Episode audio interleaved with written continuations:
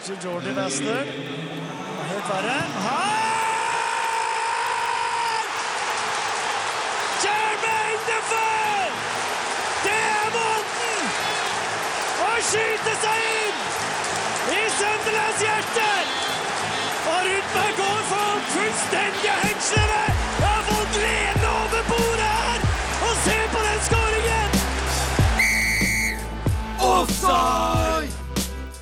Hjertelig velkommen tilbake til eh, Offside her på Studentradioen i Bergen. Dette er jo da første sendingen eh, nå i eh, dette semesteret. Det har vært litt om og men og reising frem og tilbake, så rett og slett i dag så er det to gjester i studio. Eh, en eh, gammel sending eh, for dere lyttere. Mitt navn er Wilhelm Persvold Vestli. Og andre gjesten er da Lucas Gonsalves. Riktig. Tusen takk for at jeg har fått lov til å komme. Ja, bare hyggelig. Men det som er det store i dag, er jo at det er et nytt medlem her i Offside i dag. Du kan introdusere deg selv. Mitt navn er Even Berntsen. Jeg er fra Bergen, og utover høsten så skal jeg være med i offside-teamet. Så det er bare til å glede seg. Det er bare til å glede seg. Eh, Even har jo vært med på en liten eh, testsending eh, en gang tidligere også, for de som eh, kanskje husker det. Og eh, han gjorde en god eh, Hva skal man kalle det? En god, eh, Profil. god profil av seg selv der. Men i dag det, vi skal jo selvfølgelig snakke om eh, fotball. Og Even, du kan starte med hva vi skal ta for oss. Vi skal først gå gjennom eh, overgangene som skjedde i sommer. Et forrykende overgangsvindu. Eh, Så skal vi snakke om eh, Champions League som endelig har startet igjen. Og så eh, skal vi jo da gå til eh, England, over til Balløya, og snakke litt om Premier League sin sesongstart. Og det blir spennende å se gjøre litt sånn predictions på hvordan vi kommer til å ende. Og Lukas? Ja, Vi skal jo også vende blikket ut i eh, verden, eh, til internasjonal fotball. Vi har hatt en landslagsperiode som har gått akkurat nå, men det kommer jo flere landslagsperioder på høsten. Det gjør jo det. det. Det er mye spennende fotball. Eh, sesongen har jo startet igjen, og overgangsvinduet er jo som sagt da avsluttet. Men det er akkurat derfor vi er her i dag, for å diskutere det som har skjedd i det siste, og det som kommer til å skje i nærmeste fremtid. Hei, dette er Geir André Herrem. Du hører på Offside på Studentradioen i Bergen. Yes! Og da eh, skal vi jo begynne med overganger, fordi at i hvert fall i min mening så er dette et av de mest sinnssyke overgangsvinduene jeg har vært med om i min eh, 23 år lange I mitt 23 år lange liv. Det har vært Det er overgang man ikke kunne, kunne sett for seg i det hele tatt. Nei, det er litt som du spiller Fifa og har eh, det budsjettet og henter eh, store spillere. Og så skjer det i virkeligheten. Ja. Eller de overgangene som alltid skjer med computeren på karrieremodus. Ja. Det er liksom sånn, Alltid den spilleren som går til Manchester City, alltid den spilleren som går til PSG. Når det skjedde i virkeligheten. Det er helt sinnssykt. Eh, fordi eh, Jeg har også sett sånne memes på nettet hvor det er ah, 'Jeg har vært i koma i fem år. Eh, kan du fortelle, fortelle meg hva som har skjedd?' Og så er det bare sånn Messi i PSG-drakt. Ronaldo tilbake i United. Eh, Jack Graylish, hvem er det? Han er i City. Det, det, er, det er så mye som har skjedd, og det er akkurat det vi skal ta for oss nå. Uh, og vi kan da starte med uh, omdiskutert, men kanskje riktig, verdens beste fotballspiller gjennom tidene, Lionel Messi, har avsluttet sin karriere i Barcelona og gått til Paris Saint-Germain. Hva er tankene deres rundt dette? Hvis jeg skal starte, så tenker jeg at eh, det er først og fremst en helt syk overgang. Det, det er så surrealistisk å se Lionel Messi i noe annet enn en Barcelona-drakt. Absolutt. Men jeg tenker jo også at det viser liksom den moderne fotballen på sitt verste, da, i forhold til hvorfor Barcelona selger han, og sånn angivelig hvordan PSG kan få tak i han, og, og jobbe rundt kantene på Financial Fair Play. For uh, vi må jo huske da at i forhold til dette reglementet til Uefa, at uh, PSG er nok på den gode siden til Uefa etter at de var den eneste store klubben som ikke ble med på Superliga-prosjektet nå i våres. Så de har jo fått lov til å hente litt her og der i sommer. Ikke bare Lionel Messi, men Gianluigi Donnarumma, Akraf Hakimi. Så, Det er store navn. Ikke sant? Uh, og Lionel Messi han har jo vært i Barcelona hele sin karriere frem til nå. Det har vært eh, flere somre hvor eh, det har vært ryktet at han skal gå til City og PSG. har jo vært de største liksom, ryktelagene, men også at han skal dra til USA plutselig for å bare tjene masse penger på slutten av karrieren. Men hvordan tror du han kommer til å passe inn i dette PSG-laget etter at han har, nå, han har fått noen kamper? Nei, det tar jo alltid tid til å tilpasse seg eh, altså, nytt land, ny klubb, nye medspillere. Og så er jo PSG Det er jo et klasselag med stjernespillere på altså, hele banen. Eh, hvordan de kommer til å fungere sammen, eh, blir vanskelig å vite, da. Ja, for jeg tenkte bare sånn klasselag. Ah, skal, altså, hvis det, det kommer jo på hvordan man definerer klasselag. Ja. da. Altså Når du ser på alle spillerne på papiret, ja, Ja. uten tvil. Men hvordan dette skal gå sammen, da. Liksom, eh, liksom Spillelogistikken i PSG har alltid liksom, eh, liksom gjort meg litt forfjamsa. For liksom, vi kan se for oss eh, liksom den gitte angrepstreeren nå, da. Det er Messi, Mbappé og Neymar. Du har liksom samtidig Mauro Icardi. Du har Angel Di Maria som også kan spille der oppe. Og det er noen som må sitte på benken og bli ganske misfornøyd. Det Det, er veldig mange individualister på PSG. Det er akkurat det som jeg tror kan skape et lite problem. Men det blir i hvert fall spennende å se hvordan Messi kommer til å utvikle Altså om han blir eh, Om han kommer til å tilføre dette laget noe. Jeg tror selvfølgelig det. Han er jo klasse. Men det blir spennende å se han i et nytt lag. Men også en spiller som er i et nytt lag, men også et kjent lag. Cristiano Ronaldo dos Santos Aveiro er tilbake i Manchester United, og han hadde en pangstart av en eh, andredebut mot Newcastle med to mål. Det har vært ryktet at eh, Ronaldo skulle gå tilbake til United eh, helt siden han dro i 2009. Men eh, hvordan tror dere det kommer til å gå denne gangen? Han er jo 36 år gammel, og alder tar jo på. Ronaldo altså Min mening er at han er fortsatt verdens beste fotballspiller. Nei, målskårer. Beklager. Så han har ikke noe problem til å tilpasse seg Premier League igjen. Så ja, han vil ta det med storm. Ja, du, ja. Altså, Vi kan ha en liten fun fact der apropos Cristiano Ronaldo. Altså, Han debuterte for Manchester United i 2003. Da har du spillere som Jude Bellingham som ikke var født ennå. ja. Det er 18 år siden. Det er, Og det er så rart å tenke på. Jeg tenker jo også selv som portugiser, som jeg er, Mm. at uh, det er fint å se han i et miljø hvor uh, han trives, hvor han føler seg hjemme, hvor han får spilletid, hvor han også er tilfører og får tilført Uh, forskjellige former for erfaringer og ferdigheter. Mm. Uh, som Leeds-supporter ikke like gøy. Uh, men det Og Der fikk James, da. ja, ja herregud. Det, det er jo plaster på såret. Men eh, det jeg skal si om Ronaldo, er at jeg leste en veldig interessant sak nå på NRK om eh, hvordan han kanskje er den mest egoistiske spilleren på Manchester United, og hvorfor det er en positiv ting. Han vil bare ha mål. Det er ikke noe fiks og fanteri.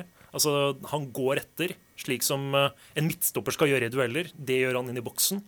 Akkurat og han, Denne artikkelen sammenlignet jo han med den innstillingen Ruud van Nistelrooy hadde på Manchester United rundt årtusenskiftet. Ja.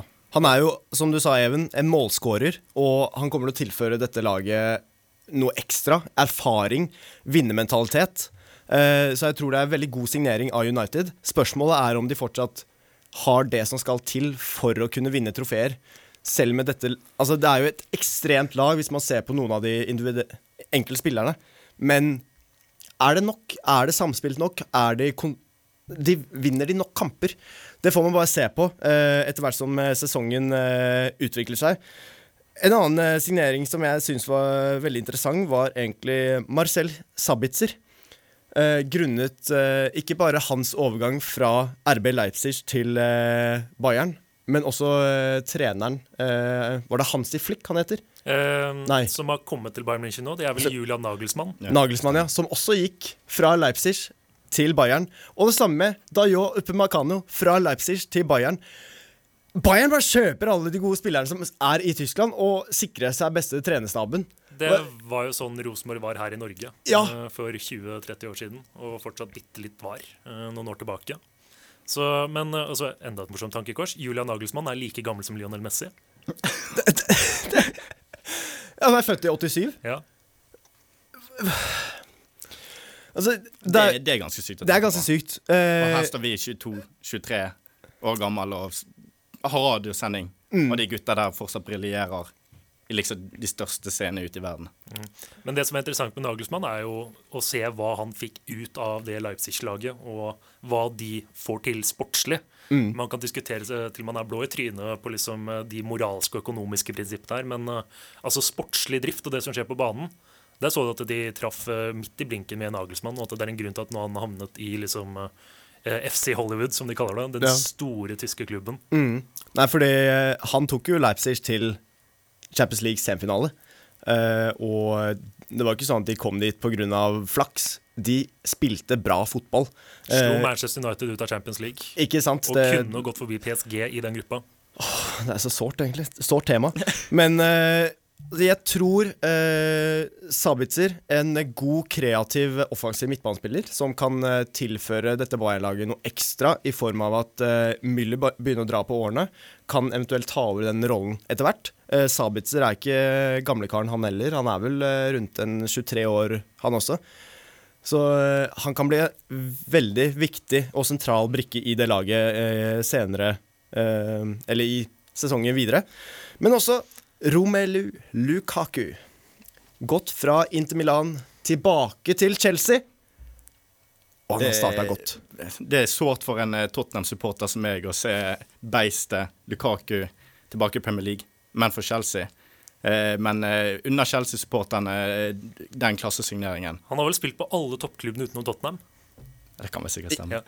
Ja, da regner du ikke City og Liverpool som toppklubber? Ja, det var en forenkling. Men eh, Everton, ManU og Chelsea. Ja. Og nå må du jo bare hente tilbake eh, Salah og De Bruyne, så har du et ganske bra lag i Chelsea. Det, de har jo Alle de der gamle elevene som ikke slo an der. Ja. Som det har gått greit med etterpå. Det har eh, gått veldig greit med de. Eh, for så vidt Chelsea har jo et ekstremt godt lag. Det viste de jo eh, i Champions League i fjor. Eller i sommer, eller i våres, hva enn man skal si. Forrige sesong, Ja. enkelt og greit. Eh, men eh, Lukaku er jo en spiller som de virkelig trengte. Werner var jo ikke den som Han steppet ikke opp nok. Eh, han gjorde en god figur av seg, men litt mindre enn det Chelsea-supporterne kanskje forventet. da Han er ikke den rendyrka målskåreren.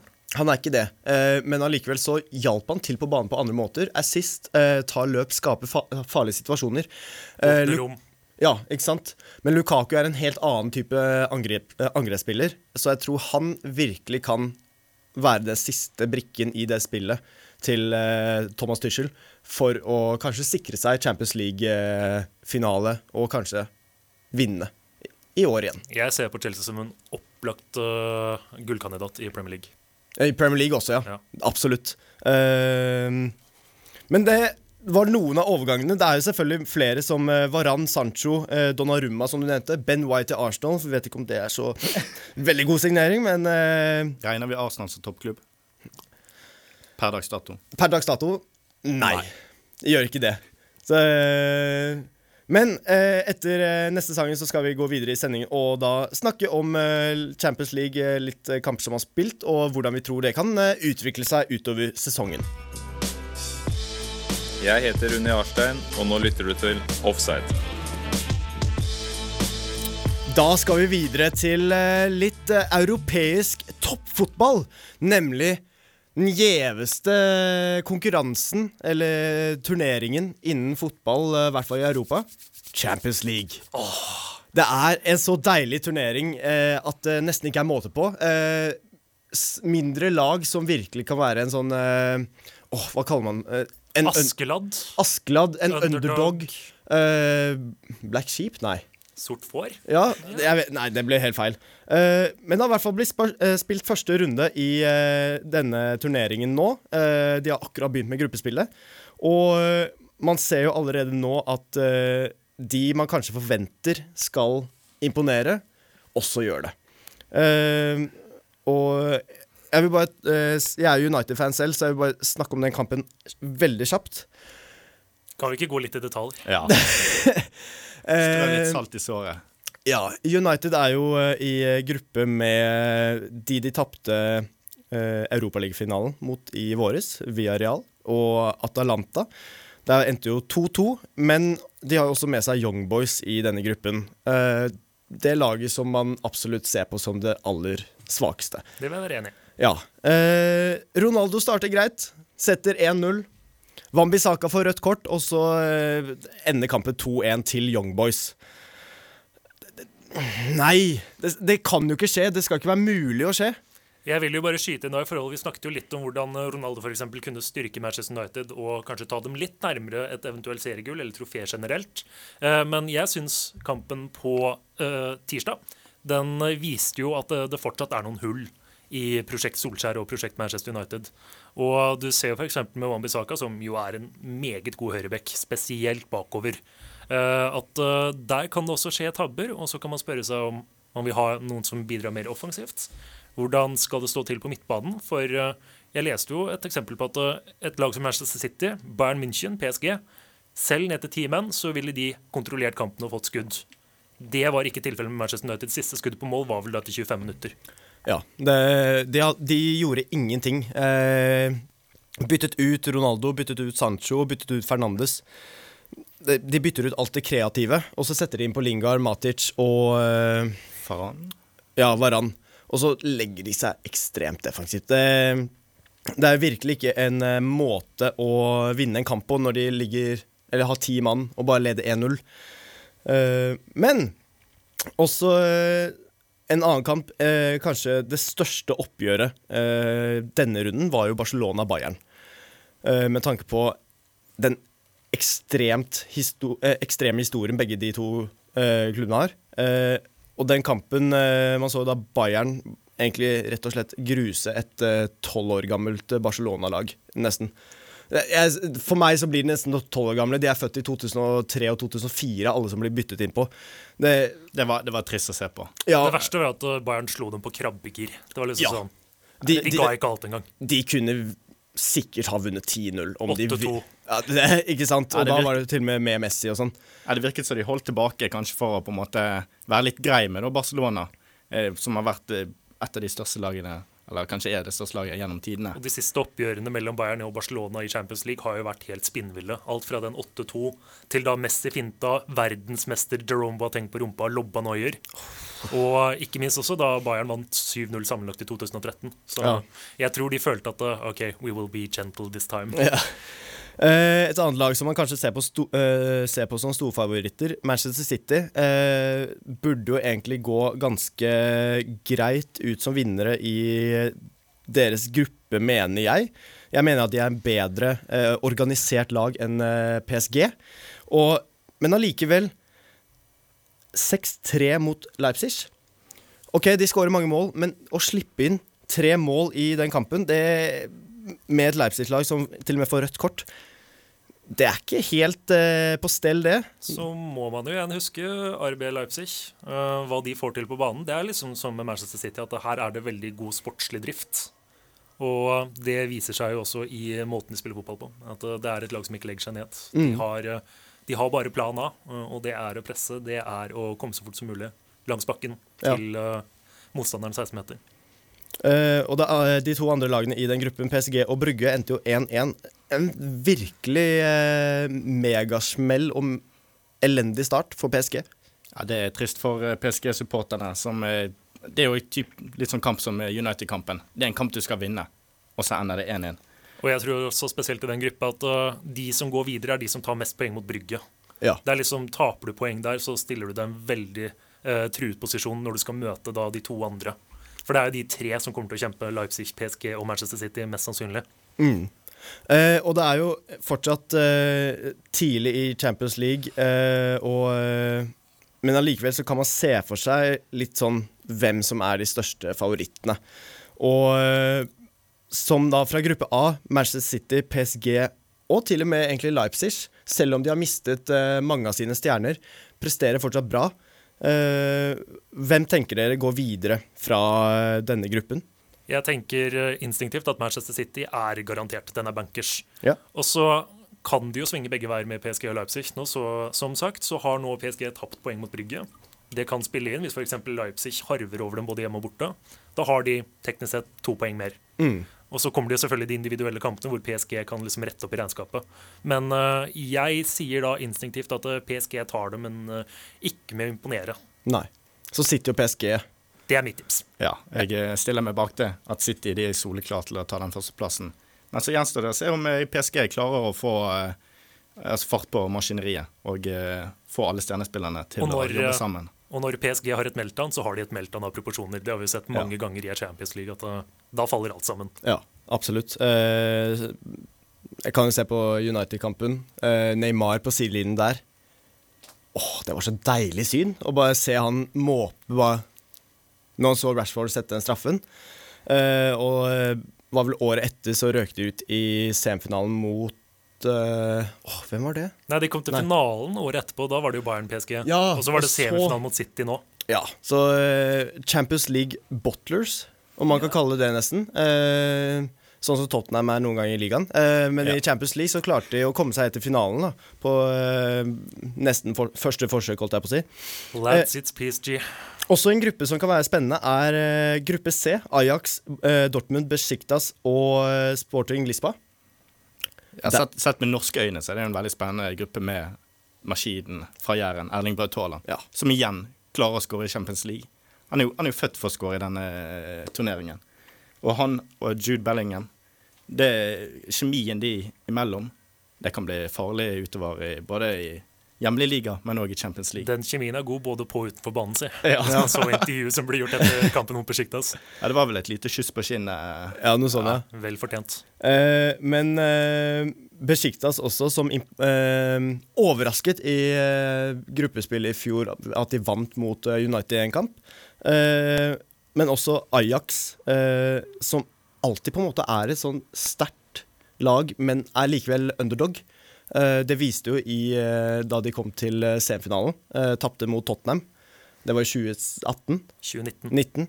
Har ikke årstallene helt på stell her, men eh, Og jeg tror i år også så kan de komme seg ut av gruppespillet og kanskje et par Kanskje komme seg til noe kvartfinale. Hvis Sebastian Haller fortsetter i det sporet som han gjorde med både fire målnoteringer, så kan det bli farlig utover.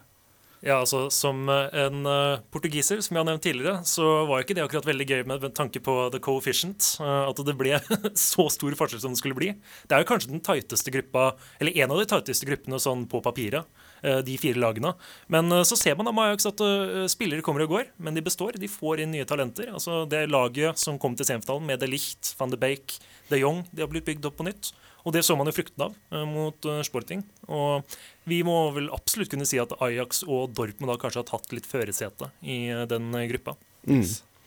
Og så er det en eh, Vi tar ta for en siste gruppe, gruppe nemlig gruppe D. Eh, der er det jo lag som Sjakta Donetsk, eh, Inter Milan, Real Madrid og Sheriff Tiraspol. Eh, det er ikke mange som har hørt om Sheriff Tiraspol, men de leder altså gruppen etter eh, første kamp. De møtte for så vidt Sjakta Donetsk, som blir sett på som det andre svakeste laget i den gruppen. Men hvordan klarer Jeg har aldri hørt om det laget før eh, i år. Og, Første laget fra Moldova i Champions League. ja, og så vinner de da 2-0 mot uh, Sjakta Donetsk og leder altså gruppe D etter første kamp. Det jeg syns jeg er gøy. Jeg leste litt bakgrunnshistorie på den klubben. Det er, tydeligvis, det, det, det er mye merkelig inne i bildet der, både med eiere og hvor det ligger i Moldova. Det er noe sånn uh, kontroversielt uh, territorie innenfor Moldova som anerkjenner seg mer russisk enn moldavisk, og, og eieren er tydeligvis sånn oljemagnat. Det er liksom hele den der østeuropeiske smæla. Ja. Og nå er det plutselig kom, Hvis dere husker det russiske laget Anshi, Ja. hvor Samuel Etovar, f.eks. Eh, det virker å være litt sånn lignende opplegg. At eh, det, er, eh, det er Det er sportslige prestasjoner som er imponerende. og så er det liksom bak kulissene at det skjer mye dodgy shit. Men eh, da har vi vært eh, gjennom litt kjapt eh, det som har skjedd i Champions League, og kanskje noen predictions av noen grupper. Rett etter pausen så skal vi videre til Premier League og England og se hvordan det står til der etter sesongstarten. Hei, dette er Davy Vatne. Du hører på Offside på Studentradioen i Bergen. Og da skal vi eh, over vannet til Balløya, England, og nemlig eh, prate litt om eh, ja, sesongstarten i Premier League. Da blir det spilt fire kamper, og vi begynner å se litt hvordan det former seg, og hvor kanskje noen lag egentlig hører til. Jeg snakker da selvfølgelig om Arsenal. De ligger nå på en 16.-plass med fire kamper spilt, øh, vunnet én kamp og tapt tre kamper. Hvordan har det her skjedd, øh, Even? Nei, si det. det Arsenal har jo òg på papiret klassespillere, men de klarer jo ikke å samarbeide. De klarer ikke å skåre mål, og eh, det lekker bak. Så det For å være nøytral så er det fryktelig å se på et eh, Arsenal-lag som ligger så langt nede. Det, det er jo egentlig et av lagene som skal høre til topp fire, hvis man øh, ser litt på øh, Ser litt i historisk perspektiv. Men de siste årene, egentlig etter at Wenger dro, så har det ikke gått eh, slik kanskje disse Gunners-fansene faktisk ønsker. Ja, det var eh, veldig mange som ønsket Wengers avgang når det begynte å gå nedover allerede under han. Men det beviser vel at eh, problemet stikker dypere enn treneren. Enten han heter Wenger, Emery eller Arteta. Og eh, det stilles jo selvfølgelig mange spørsmål bl.a. om eierskapet. Om eh, agentkontaktene til denne hva heter han igjen, Kia-fyren i eh, Arsenal. Som basically bare henter kompisene sine. får dem inn i en rødhvit drakt og sier at nå er du en gunner. Og da ender du f.eks. med William. Ja. Eh, også, fordi De har jo da spilt disse fire kampene. De vant nå nylig mot Norwich 1-0, så de har da prestert å skåre ett mål i hvert fall denne sesongen. Men tapte 5-0 mot Manchester City, 2-0 mot Chelsea og 2-0 mot Brentford. Nyopprykte Brentford, som ikke har vært i Premier League siden 30-tallet, eller om det er 40-tallet. Det, det må jo være største skuffelsen, for et Arsenal-lag som eh, virkelig trodde at denne sesongen nå skal, vi være, nå skal vi komme oss tilbake til topp fire. Ja, Brentford med Christoffer Ayer i midtforsvaret. Det, altså, jeg er jo eh, Leeds-supporter og har jo da hatt eh, mange opplevelser med Brentford. Jeg kan liksom med hånda på hjertet si, eh, by my own experience, det er et leit lag å møte. Det er et lag som eh, er eksepsjonelt sportslig drevet. De har en klar visjon på banen, og de, altså, du, du kan aldri avskrive dem. Altså, De kan tape mot et League One-lag, de kan vinne over alle de topp seks-lagene. Ja. Og hvis vi da fortsatt skal regne Arsenal som et topp seks-lag, så fikk vi jo det demonstrert i serieåpningen. Ja, nei, for jeg, så jo den kampen, og det minnet meg litt om eh, den energien Sheffield hadde eh, sesongen etter at de hadde rykt opp og endte på innenfor topp ti. Det, det var en sånn mentalitet at de aldri ga seg. De bare løp og løp og løp, og de skulle ha den ballen. Ja, Det er alltid, altså det virker å være regelen mer enn unntaket. At det, det, er alltid, det er noen ganger en sånn skikkelig Premier League-askeladden som kommer opp. Altså Huddersfield, Bournemouth, Sheffield. Og ingen av de rykket rett ned igjen. Selv om det blir dømt nord og ned, fordi liksom det er en askeladd, det er en mindre klubb økonomisk. Så dette vitner kanskje om at eh, Brentford i alle fall kommer til å bli et par sesonger. Det hadde vært gøy å se. Eh, Et annet lag som egentlig har overrasket, er jo Everton. Eh, minste Eller nei, ikke minste klubben i Liverpool, men eh, nest største. da. Liverpool er størst, selvfølgelig. Eh, men de har prestert å eh, skaffe seg ti poeng eh, i kamper mot eh, Burnley, Brighton, Leeds og Southampton. Det er for så vidt kanskje ikke den sterkeste motstanden de kunne ha møtt i en sesongstart, men allikevel ti poeng. Delt førsteplass med United, Chelsea og Liverpool. Det er ikke en dårlig start.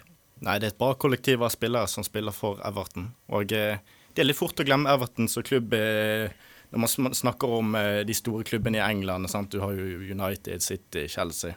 Og da kan klubber som da Everton fort bli glemt. Så man skal ikke eh, Avskrive dem? avskrive Det var riktig. Ja. ja. Nei, det er lag som kan overraske mot større lag også, så det blir gøy å se hvordan de presterer når de møter topp seks-lag senere.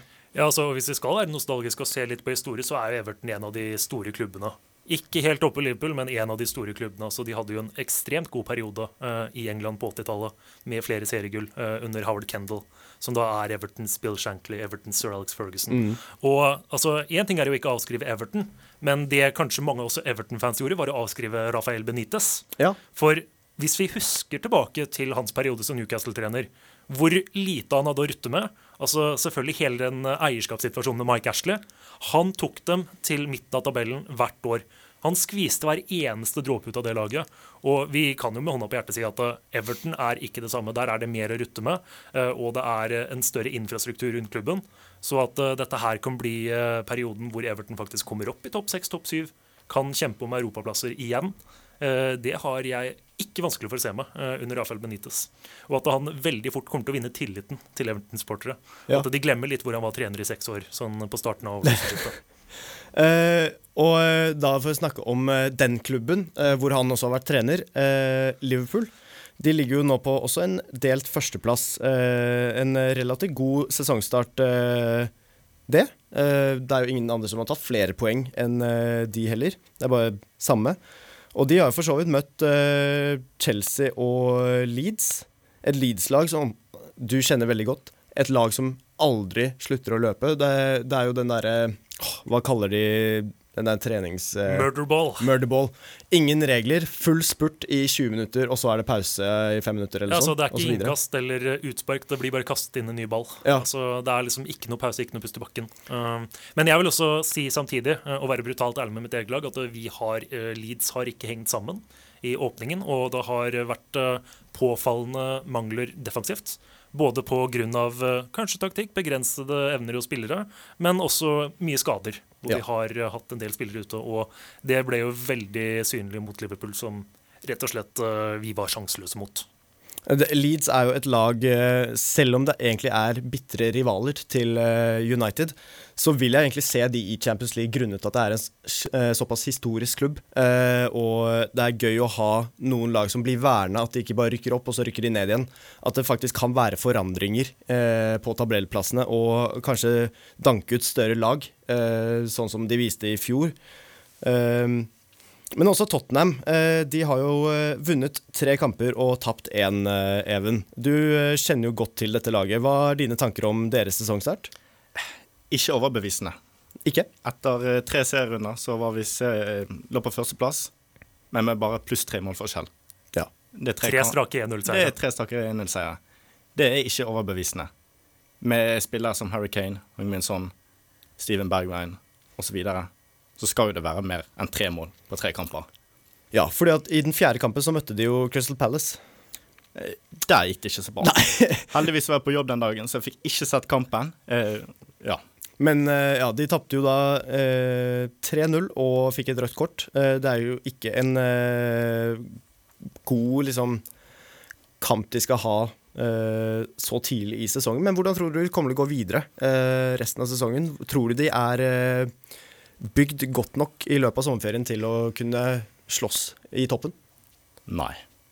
Og jeg, eller jeg håper nå at denne landslagspausen har eh, altså, gjort det litt mer våken og eh, klar til kamp. Men eh, som eh, kampen i går i Europa Conference League, som endte 2-2 mot Stad Renn, Ja. så eh, virker ikke lovende. Men eh, det er fortsatt tidlig i sesongen. Spilt fire-fem kamper, så man skal ikke avskrive noen. Men jeg håper at det begynner å løsne snart for eh, Tottenham, og at eh, vi kan feste et grep om å være i toppen og skaffe Champions League neste år. Ja. For eh, Lukas, hvem tror du blir topp fire i Premier League i år? Jeg sitter med et inntrykk av at topp fire kommer til å være ganske suverent. Manchester City, Chelsea, Liverpool og Manchester United. Jeg tror det kommer til å faktisk være en viss distanse ned til femte, sjette og syvendeplassen. Hvor jeg da ser f.eks. Tottenham konkurrere om Europaliga Europa League og Conference League. Um, Arsenal kanskje de kommer seg på beina og kan komme opp og utfordre, men hvis ikke så har man jo f.eks. Leicester, Everton, uh, som kommer til å involvere seg. Så, men jeg tror det er ganske suverent de fire som jeg nå i utgangspunktet primært nevnte, som kommer til å være der. og Fjerdeplassen kommer kanskje til å være sånn 15 poeng foran femteplassen, Ja. tenker jeg. Skal vi komme med en spådom om eh, hvem, som, hvem vi tror kommer til å vinne Premier League? Ja, gjør det. Jeg sier Chelsea. Chelsea? Ja, med Lukaku på topp. De midtforsvarerne til motstanderlaget kommer til å være vetterskremt hele sesongen. Ja. Lukas, hvem tror du? Jeg tror jeg også skal kaste en Hail Mary og si Chelsea. Altså, altså Logisk sett så kan du si Manchester City, eh, og det burde man kanskje også si når de har brukt 115 millioner pund på Jack Grealish. Men eh, ja, jeg sier jeg skal være litt eh, sær og si Chelsea. Det er, Ja. Jeg tror det er den opplagte kandidaten til Manchester City. Og så Liverpool kanskje, men jeg tror ikke helt på dem sammenlignet med de to andre. Nei. Uh, og for å eh, runde av her, da. Uh, jeg tror faktisk City kommer til å vinne i år igjen. Rett og slett fordi at de er et såpass godt lag nå. De har spilt uh, sam altså, slik de spilte i fjor. Overbevisende fotball. De vinner 5-0 mot Arsenal. Det, alle lag gjør ikke det. Så jeg tror de kommer til å ende på topp, men det kommer til å være ekstremt tight oppe i toppen. Hei, mitt navn er Niklas Gunnarsson. Nå er jeg med Offside på Studentradioen i Bergen.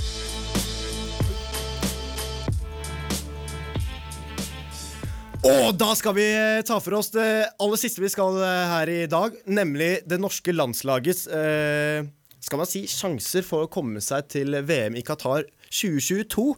Eh, per nå så eh, ser det egentlig ganske lovende ut, om eh, jeg tør å si det selv. De ligger på en eh, andreplass, eh, delt på poeng med Nederland. Under har de Tyrkia med 11, og Montenegro, Latvia, Gibraltar videre under. De jeg mener at det er, dette er første gang på veldig lenge Norge faktisk har en mulighet til å komme seg til et mesterskap. Hovedgrunnen til det Ståle Solbakken. Aggresjon, aggressivitet. Han har, skapt, han har tatt med noe til laget som de ikke hadde før. De, før så var det sånn de sto på uh, hælene og bare uh, gjorde ingenting. Nå er det sånn, De går inn i taklinger. De er ikke redde for å få gult kort og kjefte på dommeren. De bare smeller til. Det er noe som jeg, Nå er det gøy å se på norsk fotball.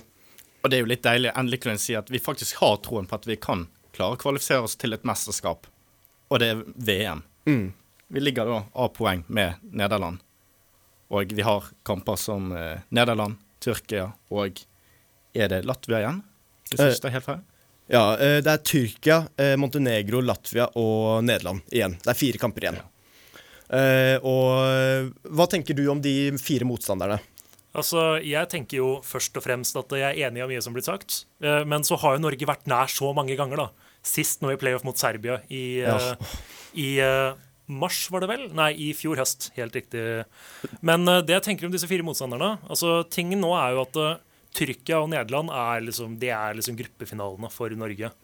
Altså, det å helst komme unna med en seier i Tyrkia, eh, altså i verste fall uavgjort, ikke tape. Nei.